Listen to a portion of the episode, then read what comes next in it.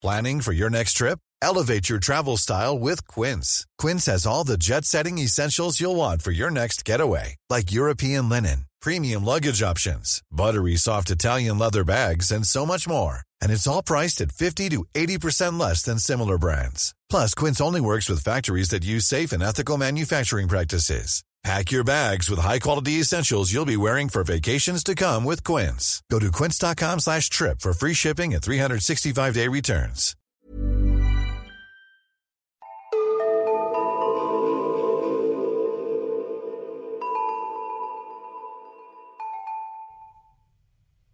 Hej och välkomna till Nära ögat, en true crime-podd för mesar. Mitt namn är Alexandra Kensdottir.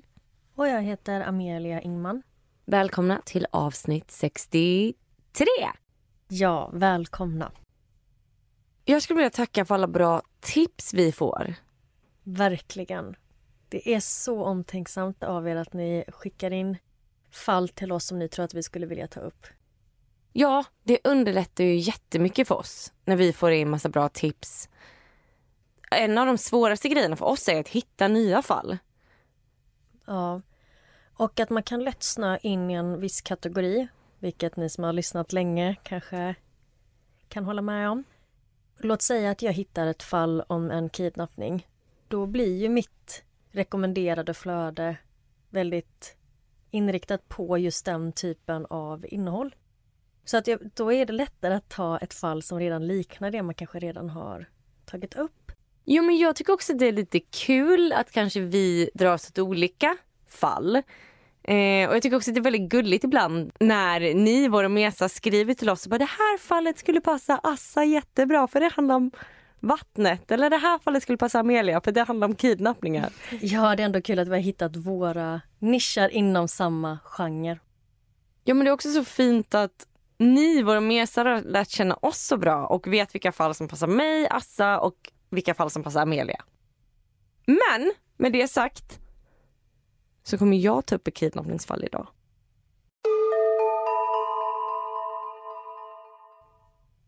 Idag ska jag berätta om Stanley Albert.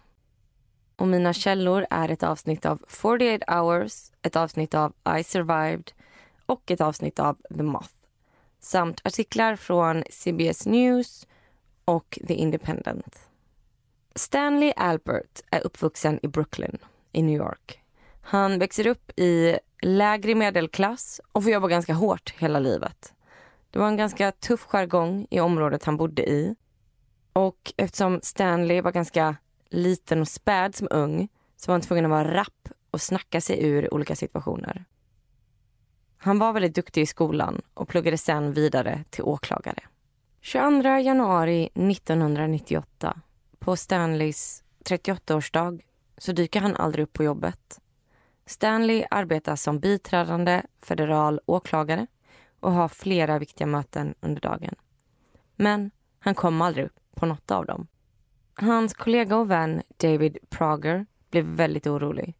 Det här är inte likt Stanley. Stanley är en kille som tar sitt jobb på största allvar. Och efter jobbet ska David träffa Stanley för att de ska gå på konsert med ett gäng kompisar för att fira Stanleys födelsedag. Men han dyker inte upp då heller. Och det är David riktigt orolig och han ringer polisen. David funderar kring vad det är som har hänt. Kanske är Stanley sjuk eller så har han råkat ut för en olycka. Så David bestämmer sig för att åka till Stanleys lägenhet tillsammans med några poliser för att kolla vad som har hänt. De har ingen nyckel till lägenheten så det slutar med att de får klättra upp för brandstegen för att sen slå sönder ett fönster och ta sig in i lägenheten. Men Stanley är inte hemma. De letar efter några som helst ledtrådar kring vart han kan vara men de hittar ingenting. Till slut så bestämmer de sig för att spela upp hans meddelande på telefonsvararen han har fått flera grattishälsningar som de lyssnar igenom. Men sen kommer ett meddelande från hans kreditkortsbolag. De har ringt för att fråga vad det är för ovanlig aktivitet som händer på hans kreditkort. Ytterligare några grattishälsningar kommer. Men sen så kommer ett meddelande som oroar David väldigt mycket. Det är ett meddelande från någon som säger sig ha hittat hans plånbok i en soptunna i Bedford Stuyvesant, vilket är ett ganska tufft område i Brooklyn. Varför skulle hans plånbok vara där? Nu börjar de misstänka att det här kanske handlar om ett brott. Det är ju trots allt en biträdande federal åklagare som saknas. Men ett kort tag därefter så får polisen ett samtal. Det är Stanley. Han har blivit kidnappad och befinner sig nu på en pizzeria i Brooklyn. Polisen skyndar sig till platsen och de hittar honom på pizzerian. Stanley ser helt slut ut. Han ser riktigt sliten ut. Och De kör honom till polisstationen där han får berätta vad som har hänt. 21 januari 1998, kvällen innan Stanley Albert fyller 38 år, är han på väg hem. När han är på tunnelbanan så börjar han prata med en kvinna. De flörtar lite och verkar ha ganska mycket gemensamt. De hoppar av i samma stopp och pratar för fullt. Stanley säger att han vill köpa sina favoritkakor i en butik på vägen hem och tjejen hänger med honom. Men kakorna finns inte i butiken så tjejen föreslår att han kan köpa dem i en butik nära där hon bor. De tar sällskap och har väldigt trevligt. Och nära henne så finns det en matbutik. Stanley hoppar in där och hittar kakorna han vill köpa. Sen går de till hennes lägenhetshus och utanför hennes dörr så byter de kontaktuppgifter och så säger de hej då. Stanley är på väldigt bra humör. Han har ju precis träffat en härlig tjej och ska nu gå hem och dricka te och äta sina kakor. Han går längs med gatan mot Fifth Avenue och han ska precis runda hörnet när han känner hur något nuddar hans armbåge. Han vänder sig snabbt om och ser att det står två män bakom honom. Den ena mannen har ett automatvapen som han trycker in i Stanleys bål. De knuffar ut honom på gatan och skriker på honom.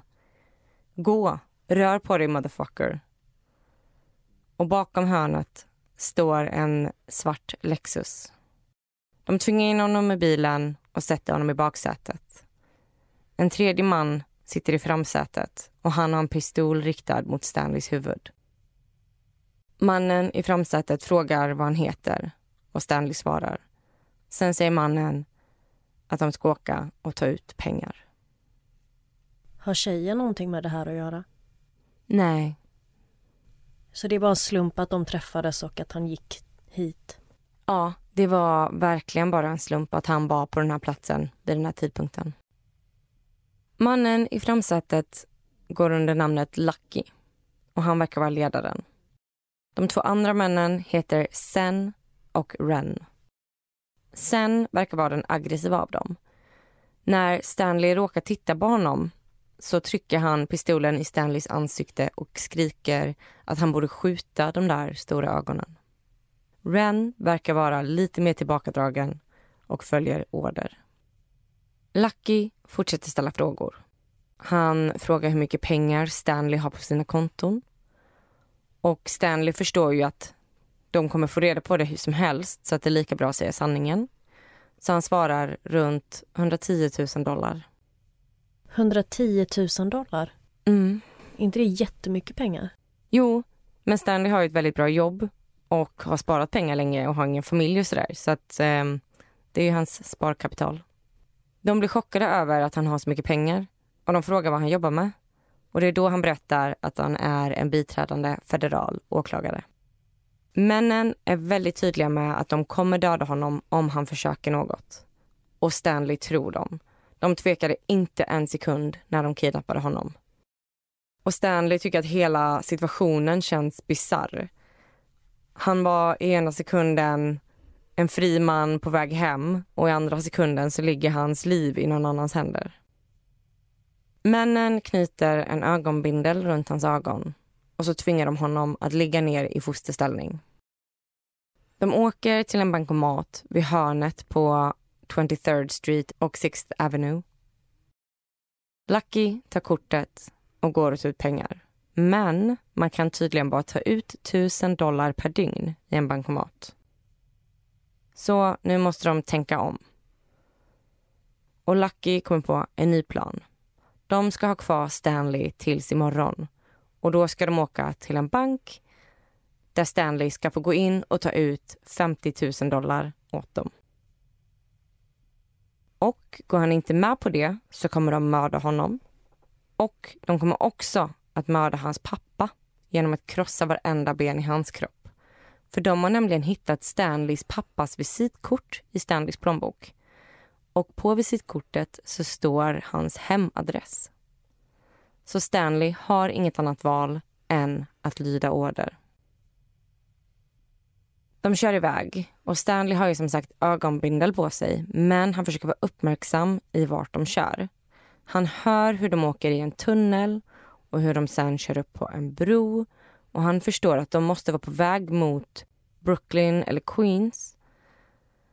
När de kommer fram så knuffar de ur honom i bilen.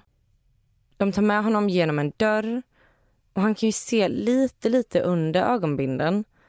Och då ser han att där han går in så finns det ett väldigt tydligt mönster i kaklet på golvet. Och han försöker memorera det här för att eventuellt kunna identifiera vart han är. De går upp för en trappa, genom en dörr, genom en korridor och sen upp för ytterligare en trappa för att till slut komma in i en lägenhet där de stänger och låser dörren. Och under ögonbinden så kan han skymta två madrasser på golvet. Stanley får sätta sig på ena madrassen men han måste ha på sig ögonbinden hela tiden. Männen laddar i och laddar ur automatvapnet hela tiden. Förmodligen för att markera att de fortfarande är beväpnade. Sen, den mest aggressiva av dem, frågar Stanley om han någonsin använt ett automatvapen. Stanley svarar nej. Sen berättar då att det bara krävs att man råkar nudda avtryckaren för att tio skott ska skjutas och att Stanleys järnsubstans ska vara utsmetad över hela väggen. De hotar honom väldigt mycket och de säger också att de kommer skicka någon till Stanleys pappas hus som ska hålla utkik efter pappan så att Stanley verkligen ska samarbeta imorgon när de ska åka och ta ut pengar från banken. Efter ett tag så kommer det in två kvinnor i lägenheten. Mercedes och Mystic. De verkar chockade. Vem är killen? Männen säger att kvinnorna inte ska bry sig. Det här handlar om pengar. Lucky frågar kvinnorna hur det har gått på gatan, vad det är de har fått ihop. Och Stanley förstår då att kvinnorna är sexarbetare. Efter en stund så lämnar Lucky lägenheten. Så kvar är Stanley, Sen, Ren och kvinnorna. Männen och kvinnorna börjar röka på. Och sen hör Stanley hur männen börjar ha sex med varsin kvinna i samma rum som han sitter i. Och det är extremt obehagligt. Men nu är han glad över att han har ögonbindel på sig. När de är eh, klara så är den hotfulla stämningen mindre påtaglig och hela rummet känns lugnare. Männen frågar Stanley vad skulle du göra om du inte vore här. Stanley berättar då att han skulle gå på konsert för att det är hans födelsedag. Och männen börjar gapskratta. De tycker att det är hysteriskt roligt att de har kidnappat en kille på hans födelsedag. De säger då att han borde ju såklart få en födelsedagspresent. Så de erbjuder honom lite gräs, som han tackar nej till. Och sen erbjuder de honom oralsex från en av tjejerna. Och de försöker hetsa honom till att gå med på det och säga att tjejerna gillar honom, de tycker att han är söt. Stanley svarar då att den enda anledningen till varför tjejerna gillar honom är för att det mesta av hans ansikte är dolt. De skrattar allihop och sen så fortsätter Stanley och säger att han är säker på att tjejerna är otroliga men med tanke på situationen så står han helst över. Det låter ändå som att han är ganska skämtsam i den här ändå sjuka situationen. Stanley beskriver det i efterhand som att han var rädd hela tiden men att han försökte hålla sig lugn och att han försökte bara få fram sin personlighet. Får han fram sin personlighet och kidnapparna skulle gilla honom så kanske det är mindre risk att de faktiskt kommer döda honom. Men med det sagt om jag hade varit kidnappad så hade jag haft svårt att dra ett skämt i den situationen. Alltså. Verkligen, samma här. Så otroligt starkt jobbat. Och Stanley vill ju inte ha oralsex från de här tjejerna. Och han tror också att om man skulle tacka ja så skulle det vara lättare för männen att döda honom för då skulle han också bara varit ännu en torsk. Männen kallar Stanley för Stefan några gånger och Stanley rättar dem. För det enda han har i den här situationen är ju sin identitet. Så han säger till dem att jag heter Stanley, inte Stefan. Och männen skrattar då och säger just det, Stefan är killen vi kidnappade förra gången. Lucky är borta i flera timmar. Männen pratar med Stanley under tiden. De frågar till och med om juridisk rådgivning då en av männen hade varit med om en olycka och undrade hur han skulle göra för att stämma någon och hur mycket han kan räkna med att få i ersättning och så vidare. Och De skämtar också väldigt mycket med Stanley. De säger att han kanske borde säga upp sig och börja i deras gäng. Att han skulle tjäna mycket mer pengar på att jobba med dem än vad han gör på sitt vanliga jobb. Och att han kan också hjälpa dem att hitta nytt folk som de kan kidnappa. För han känner ju massa med viktiga människor. Männen frågar om Stanley har en bil och han svarar nej. Sen frågar de om han har fru eller flickvän. Nej, det har han inte heller. Har han barn? Nej. Då kommenterar en av männen. Stanley, vad håller du på med egentligen? Du är 38 år gammal, du har 110 000 dollar på banken och du har varken fru eller barn. Vad har du hållit på med hela ditt liv? Och Stanley svarar då. Du låter precis som mina föräldrar. De frågar samma sak. Och alla männen brister ut i skratt. Tiden går och efter ett tag så börjar männen prata om planen. Hur ska det här egentligen gå till? De ska ju ta med honom till en bank för att ta ut de där 50 000 dollarna. Men banken lär ju ifrågasätta varför han ska ta ut så mycket. Och Stanley märker att männen börjar nu få kalla fötter. Och efter ett tag så kommer ledaren Lucky tillbaka till lägenheten. Och Stanley hör hur de viskar.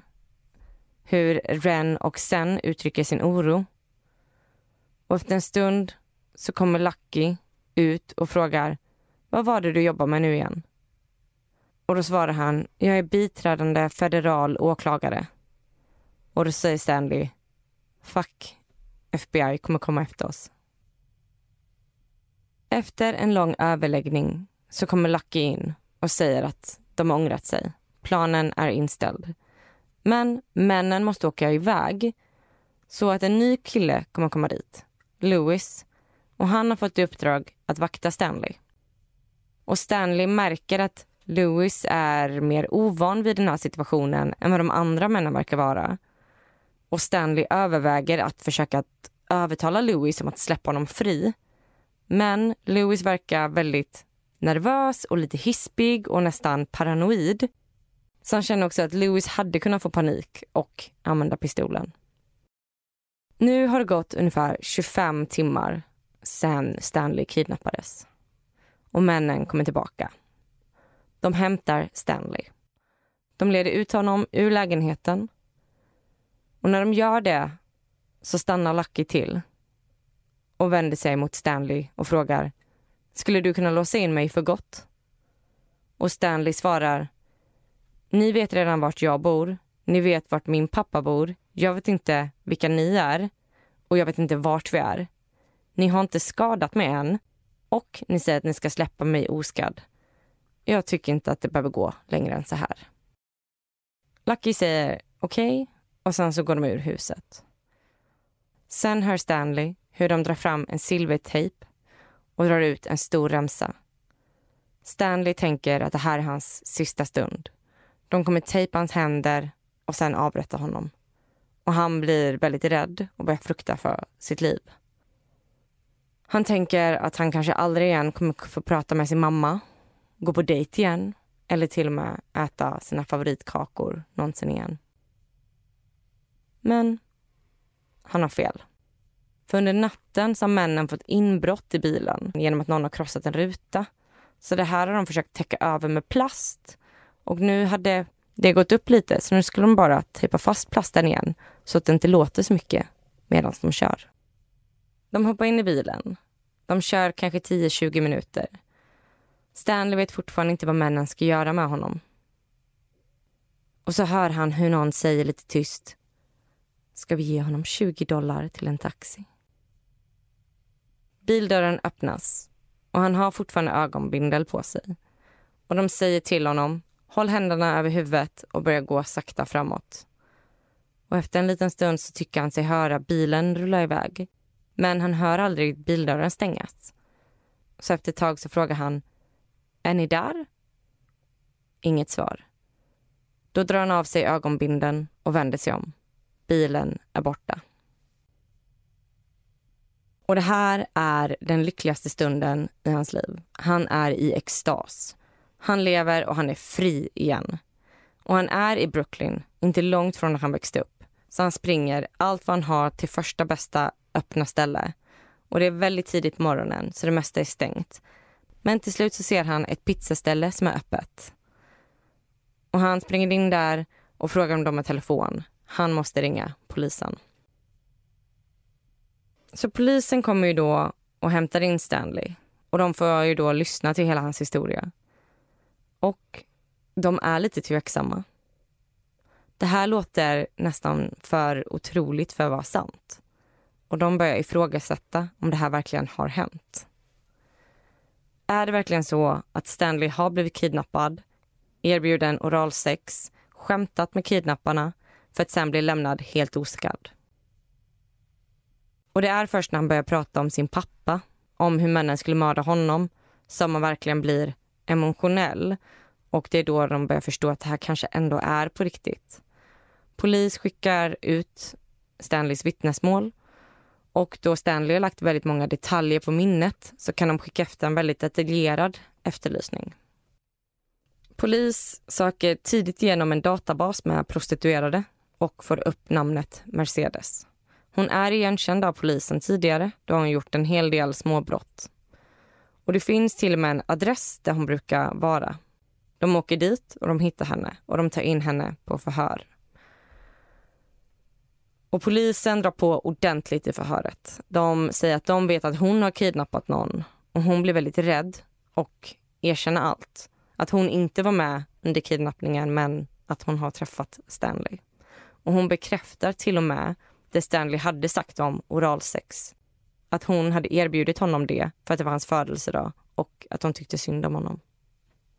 Och via Mercedes kunde de också få Luckys telefonnummer.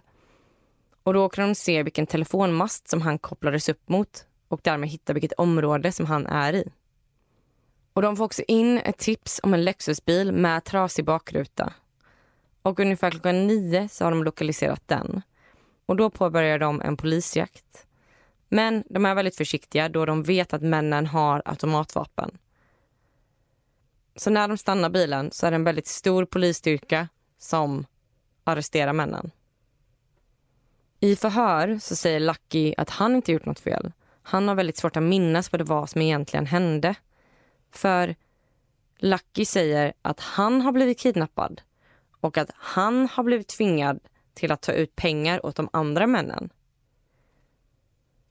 Så att han försöker alltså rent få sig själv och kasta de andra under bussen. Ren säger att han verkligen gillade Stanley och att han försökte ta hand om honom och att det var han som ville att de skulle släppa honom och att det var han som övertalade de andra. Polisen arresterar också Lewis, mannen som vaktade Stanley ett tag. När de förhör honom så säger polisen att de andra männen har sagt att det är Lewis som är hjärnan bakom kidnappningen. Men detta var ju bara en taktik för att Lewis skulle öppna upp. Vilket han gör. Han berättar allt. Och alla de här tillvägagångssätten gör att de har all information de behöver inom 48 timmar efter kidnappningen. Och en av anledningarna till varför allting gick så fort var på grund av Stanleys otroligt detaljerade vittnesmål. Vilket underlättade väldigt mycket för polisen. Sen kan man såklart också väga in att ja, det är en vit man som är biträdande federal åklagare. Så att han är en viktig person i samhället och därför lägger de ju mycket mer resurser på honom jämfört med många andra fall som vi har tagit upp. Männen åtalas alla för kidnappning, rån och innehav av automatvapen. Och de dömdes som skyldiga. Lucky, Ren och Sen och Lewis fick alla domar mellan 15 år till livstid i fängelse. Mercedes fick sex månaders fängelse och Mystic fick aldrig något straff. Stanley lever livet till fullo nu. Han har skaffat sig en hund och han har träffat en kvinna som han är gift med och de har nu barn tillsammans. Stanley har skrivit en bok om sin upplevelse som heter The Birthday Party, A Memoir of Survival som inte jag har hunnit läsa än, men jag hoppas kunna göra det snart.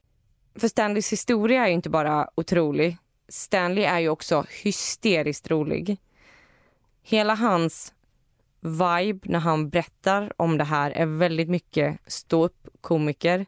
Och jag tycker att han påminner om Jerry Seinfeld. Så jag föreställer mig att hans bok lär gå lite i den tonen också.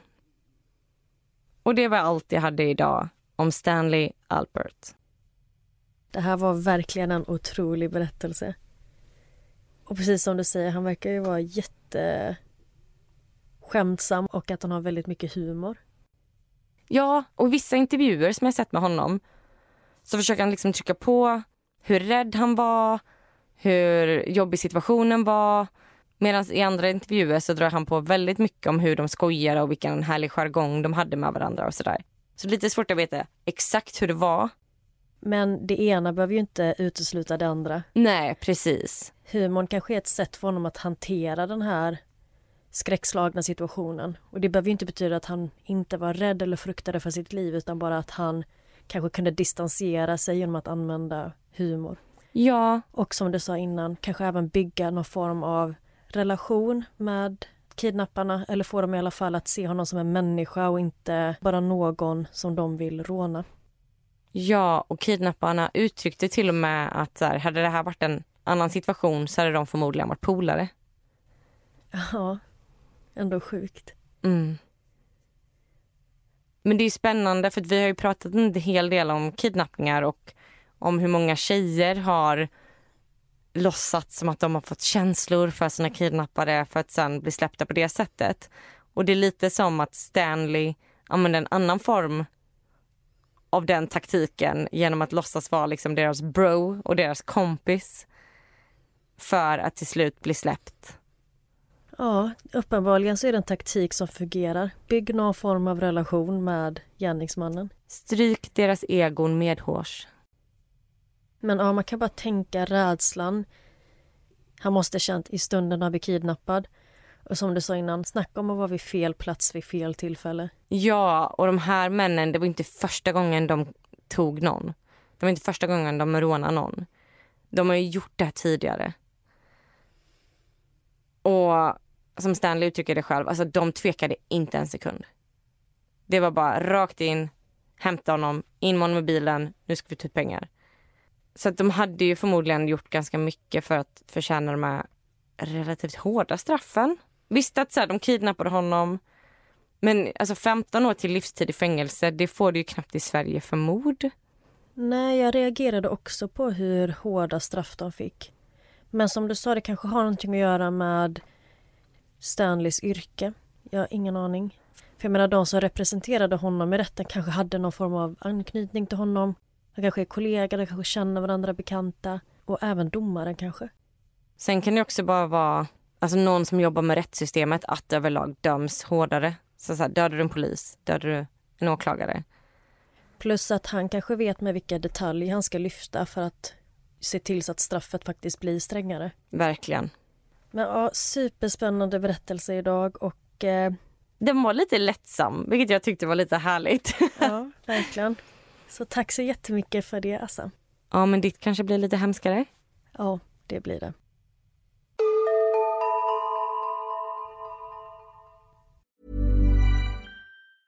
When you're ready to pop the question, the last thing you want to do is second guess the ring.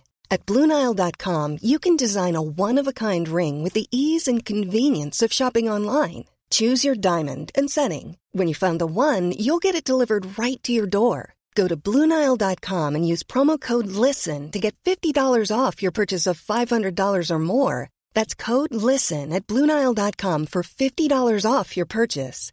Bluenile.com code LISTEN. Burrow is a furniture company known for timeless design and thoughtful construction and free shipping, and that extends to their outdoor collection.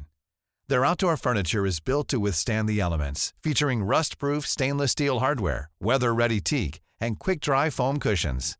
For Memorial Day, get 15% off your Burrow purchase at burrow.com slash ACAST and up to 25% off outdoor. That's up to 25% off outdoor furniture at burrow.com slash ACAST.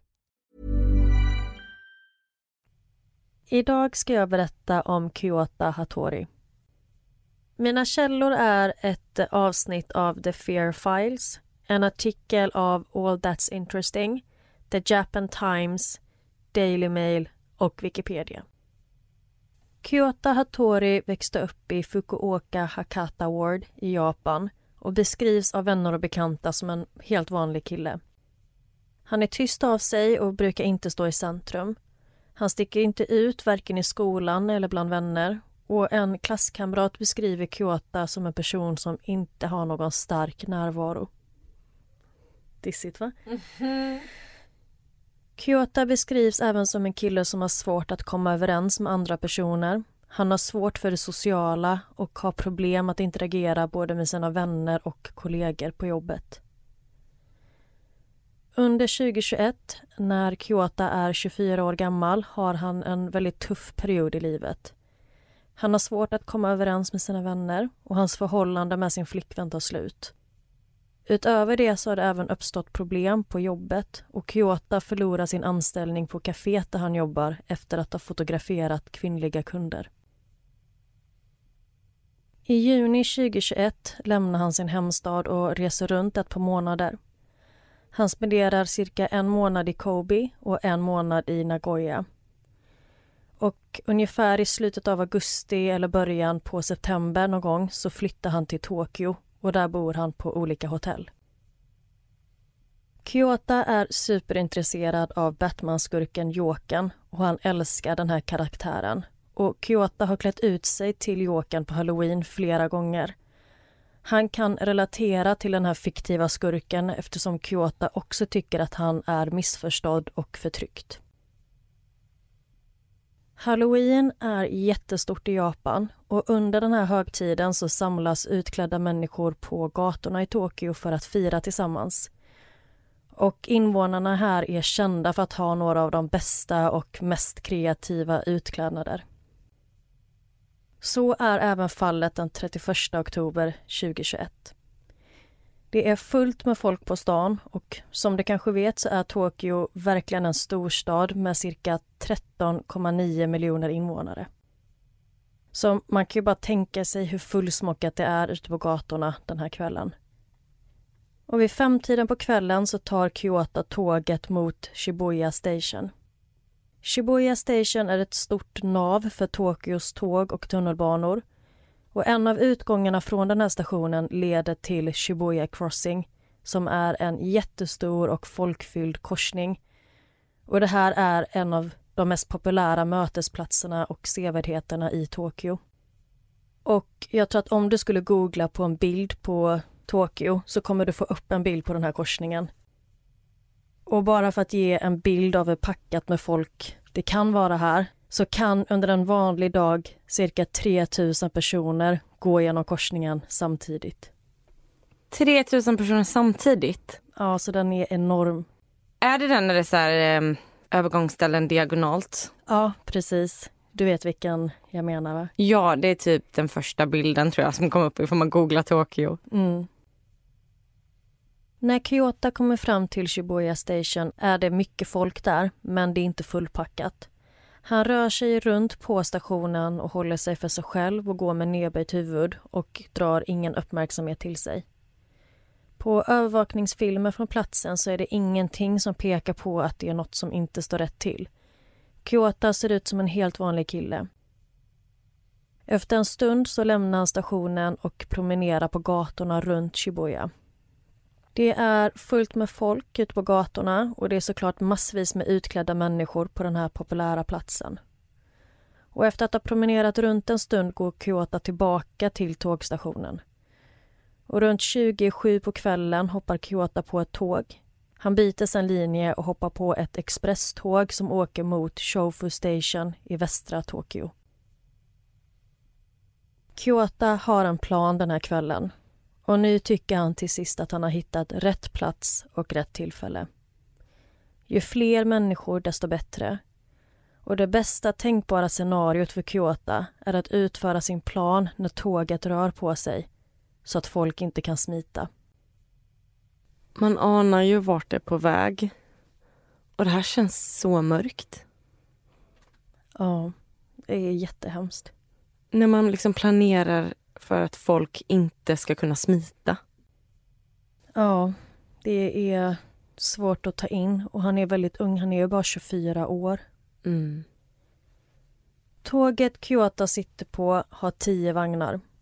Så fort tåget börjar köra så plockar Kyoto fram något ur sin ryggsäck. Han tar fram en kniv och bekämpningsmedel. En 72-årig medpassagerare ser Kyoto plocka fram de här sakerna han tycker att det verkar väldigt misstänksamt. Så mannen går fram till Kyoto och frågar vad han håller på med.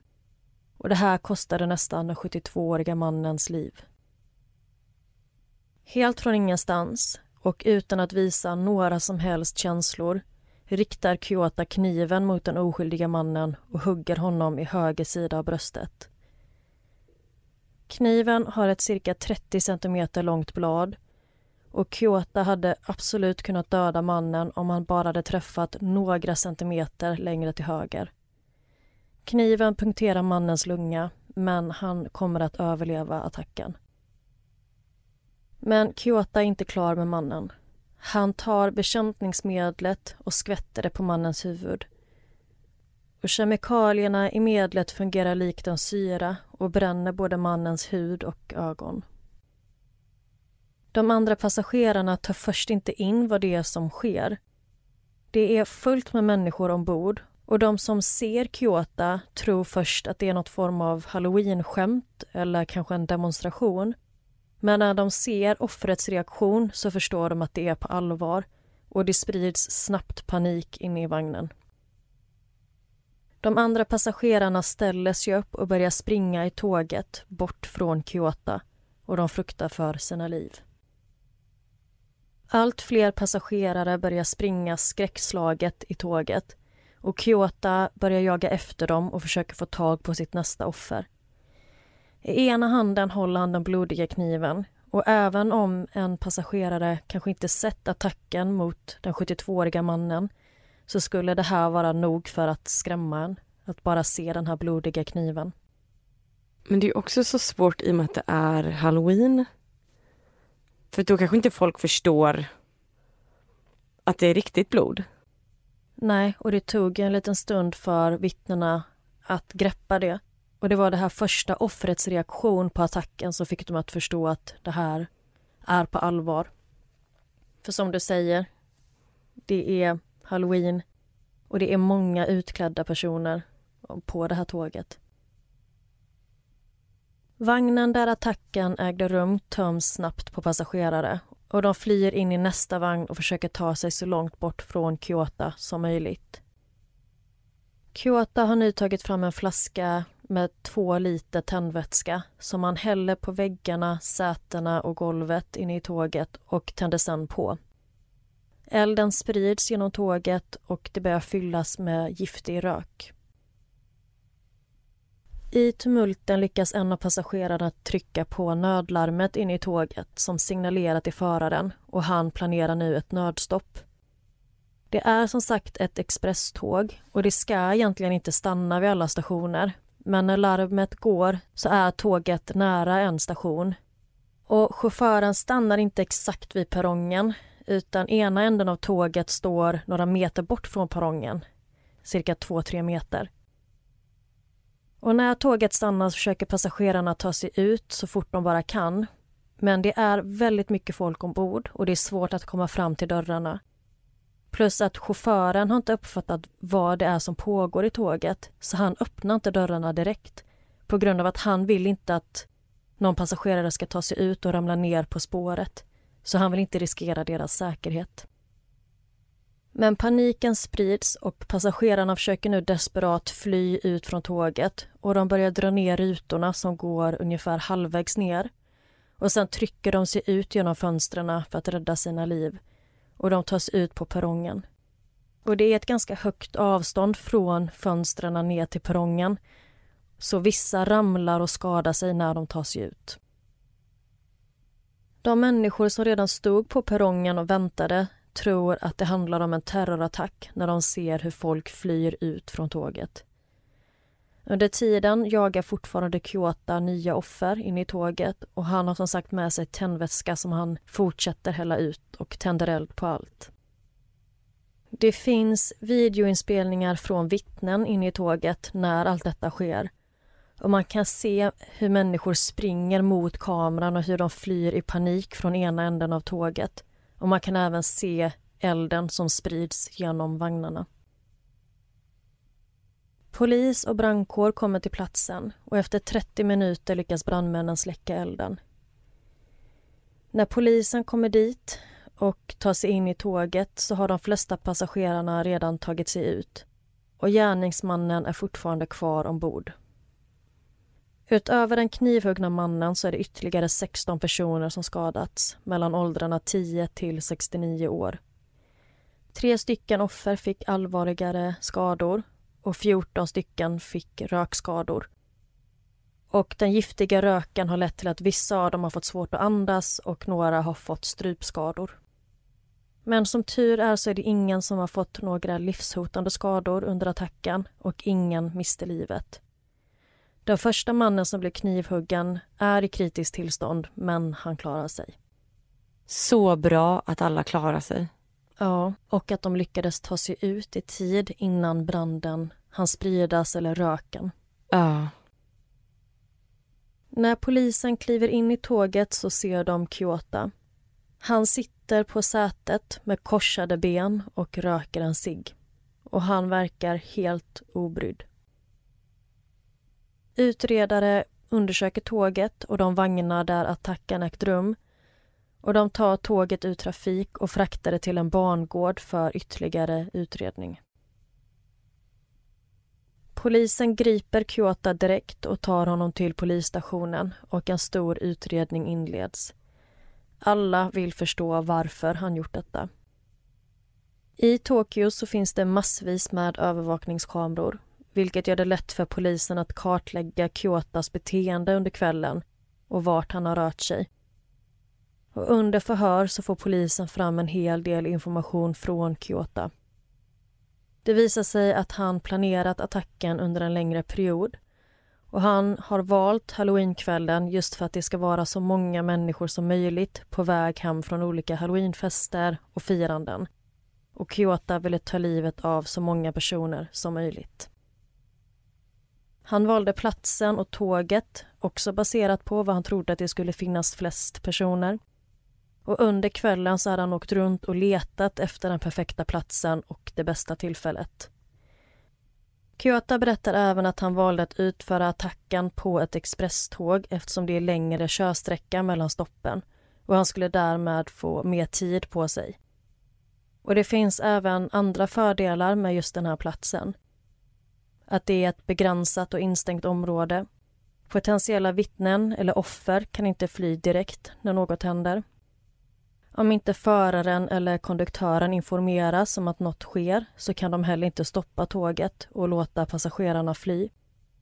Och det är därför den perfekta platsen när man vill åt fler offer. Och Kyoto ska ha planerat detta sedan juni 2021. Han har alltså planerat det här i flera månader. Ja. Man tror att hans planerande ska ha börjat i samband med den här jobbiga perioden han har haft när han förlorade sin flickvän, sitt jobb och han hade haft tufft med sina vänskapsrelationer. Men vänd dig inåt och försök läka dig själv istället för att mörda folk. Eller försöka mörda folk. Ja, eller sök professionell hjälp och stöttning. Verkligen. Många har försökt få svar på varför Kyoto utförde den här attacken. Och varför ville han ta livet av främmande människor? Kyoto har som sagt planerat den här fruktansvärda attacken sedan juni 2021. Och enligt polisutredarna som ledde fallet så har Kyoto under den här tiden stött på väldigt många motgångar i livet, som jag precis nämnde. Han hade bland annat problem med sitt jobb och han hade även problem med att knyta an till och bilda relationer med andra människor. Men det är svårt att förstå motivet bakom attacken. Och Kyoto säger att anledningen är att han inte ville leva längre. Utan han ville begå massmord och döda så många människor som möjligt så att han själv ska dömas till dödsstraff. Och målet med det här var att han själv skulle bli dödad. Under attacken var Kyoto klädd som Jokern. Han hade på sig en grön skjorta, blå kostym och lila rock. Kyoto medger att han kopierat Jokern och att han såg upp till den här karaktären eftersom Jokern är så bekväm med att döda folk. Kyoto har aldrig tidigare gjort något liknande brott och han har aldrig mördat någon. Men han tänkte att om han klär sig som Jokern, som är så van vid att mörda, så skulle det ge honom det självförtroendet som krävs för att genomföra planen. Kyoto säger även att han har köpt den här perfekta outfiten med syfte att ha på sig under attacken och han spenderade 200 000 yen på de här kläderna vilket är cirka 14 800 svenska kronor i dagens valuta. Den här attacken chockade vänner och bekanta i Kyotas hemstad. Och många beskriver honom som en low-key person som inte tar mycket plats. Och polisen pratar med flera personer från Kyotas hemstad. Bland annat en person som gick i samma högstadie och gymnasieskola som Kyota. Den här mannen beskriver Kyota som väldigt tyst, att han aldrig ställde till med några problem, att han gillade att hålla sig till sig själv och gärna undvek uppmärksamhet. En annan person beskriver Kyoto som någon som inte bildade grupperingar eller tillhörde någon grupp utan snarare var en ensam varg som föredrog sitt eget sällskap framför andras. Han säger även att Kyoto var varken vidare bra i skolan eller när det kom till sport han var en medelmåtta som smälte in. Och folket från Kyotas hemstad skäms över det som han gjorde. Detta är den andra knivattacken på ett tåg i Tokyo inom bara två månader. Och en japansk tidning stämplar Kyotas dåd som ett copycat-brott de menar att han inspirerats av och härmat ett liknande brott som också skedde på ett tåg tidigare samma år i augusti. Och Kyoto medger att han faktiskt tagit inspiration från den här andra gärningsmannen som var en 36-årig man som knivhögg tio personer på ett pendeltåg dagen innan olympiska spelens avslutningsceremoni i augusti 2021. Och Kyoto valde att använda tändvätska under sin attack eftersom den tidigare gärningsmannen använt sig av matlagningsolja vilket inte var lika lättantändligt. Och den här första gärningsmannen berättade för polisen att han ville attackera kvinnor som såg lyckliga ut och han ville mörda kvinnor. Men jag tror att även att i hans fall så var det ingen som miste livet. Han ville döda alla lyckliga kvinnor? Mm, han ville döda någon kvinna som såg lycklig ut, det var liksom målet. Efter Kyotas attack under halloweenkvällen så har det skrivits väldigt mycket om gärningen i olika nyhetsmedier. Majoriteten uttrycker såklart ilska över det han gjorde men det finns vissa som ser på hela situationen ur ett annat perspektiv. Det finns artiklar som uttrycker empati för Kyoto och beskriver honom som en opopulär man som det är synd om. Och I vissa fall så beskrivs han även som incel, alltså en ofrivilligt celibat. Att han levt sitt liv online, att han sällan träffat andra människor och saknade ett socialt liv och mänsklig interaktion. Den här livsstilen kan ofta leda till desperation och frustration vilket kan få förödande konsekvenser. Till exempel den här typen av attack som Kyoto utförde. Och en artikel skriver att monstret bakom attacken är skapat av ett förfallet samhälle. Och ett japanskt nyhetsmedia identifierar att männen som ligger bakom den här typen av brott och attacker främst består av singelmän, ofta från fattiga förhållanden. De jobbar ofta skift inom servicebranschen och tjänar så pass låg lön så att även om de fortfarande bor hemma hos sina föräldrar så har de svårt att spara ihop pengar. Samt att vissa blivit nekade eller dumpade av sin flickvän och aldrig riktigt repat sig efter det. I artikeln så avslutar författaren med att säga att vi har ingen aning om när nästa Kyoto-liknande gärningsman kommer slå till nästa gång. Och det enda sättet att undvika att det sker igen är att bygga upp ett samhälle där även de som inte passar in kan leva ett lyckligt liv på sina egna villkor och inte bli behandlade som utbörlingar. Och det finns ju jättemycket dokumentärer och liknande om just incels och jag kan rekommendera en som finns på TV4 Play som heter Svenska incels. Och det är en skrämmande inblick i det här communityt som man faktiskt får. Och som den här första gärningsmannen som jag bara nämnde lite snabbt innan att hans mål var att han ville döda en lycklig kvinna. Och i Kyotas fall är det kanske inte lika tydligt att han var ute efter kvinnliga offer men det pratas ändå en del om att hans flickvän dumpat honom. Och det som incels ofta kan göra i sina forum online där det är väldigt macho-jargong det är att man skyller väldigt mycket på att feminismen har gått för långt och att det är korrupterat samhället och det enda sättet att rädda samhället är genom att vara hypermaskulin eller att dominera kvinnor så att de vet sin plats. Men som jag nämnde innan så verkade Kyotas motiv varit att han faktiskt ville få ett dödsstraff. Och detta var som ett väldigt komplicerat tillvägagångssätt för att avsluta sitt liv. Han kanske ville avsluta sitt liv genom att bli känd, ihågkommen. Vissa pratar ju om det här suicide by cop. Ja men och i det här patriarkala samhället så ses det som en svaghet att söka hjälp och det är precis vad han skulle behövt göra. Han skulle behövt söka hjälp för länge sedan. Han skulle behövt hjälp, professionell hjälp med hur man knyter an till andra människor vilket kanske hade gjort honom till en lyckligare person och inte göra ett sånt här dåd om det inte hade varit så omaskulint att söka hjälp. Och sen att han då vill ta livet av sig genom dödsstraff genom att mörda andra personer för att han ska bli ihågkommen som vad. Alltså mm. jag förstår inte hur det... Jag, jag fattar inte. Jag fattar inte. Ja, och i den här medierapporteringen om fallet så är det väldigt många olika vinklar. Vissa pratar om att han ska ha varit incel. Andra pratar om att han ska ha varit deprimerad och att det var det som var anledningen bakom. Och andra pratar väldigt mycket om hans fascination av Jokern.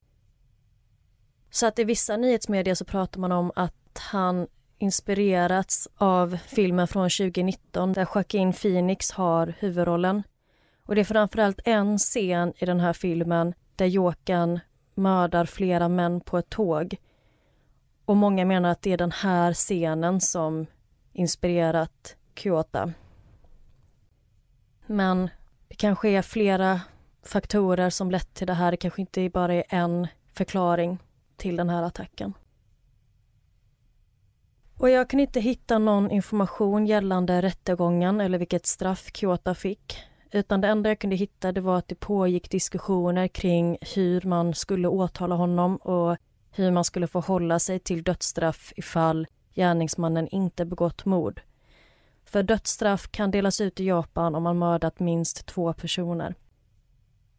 Så jag vet faktiskt inte vad Kyoto fick för dom eller om han fått någon än. För i mars i år så väntade Kyoto fortfarande på sin rättegång. Och efter gripandet så framstod Kyoto som känslokall. Han visade inga tecken på ånger efter attacken. Men det finns en sak som han är ledsen över och det är att han inte lyckades mörda någon.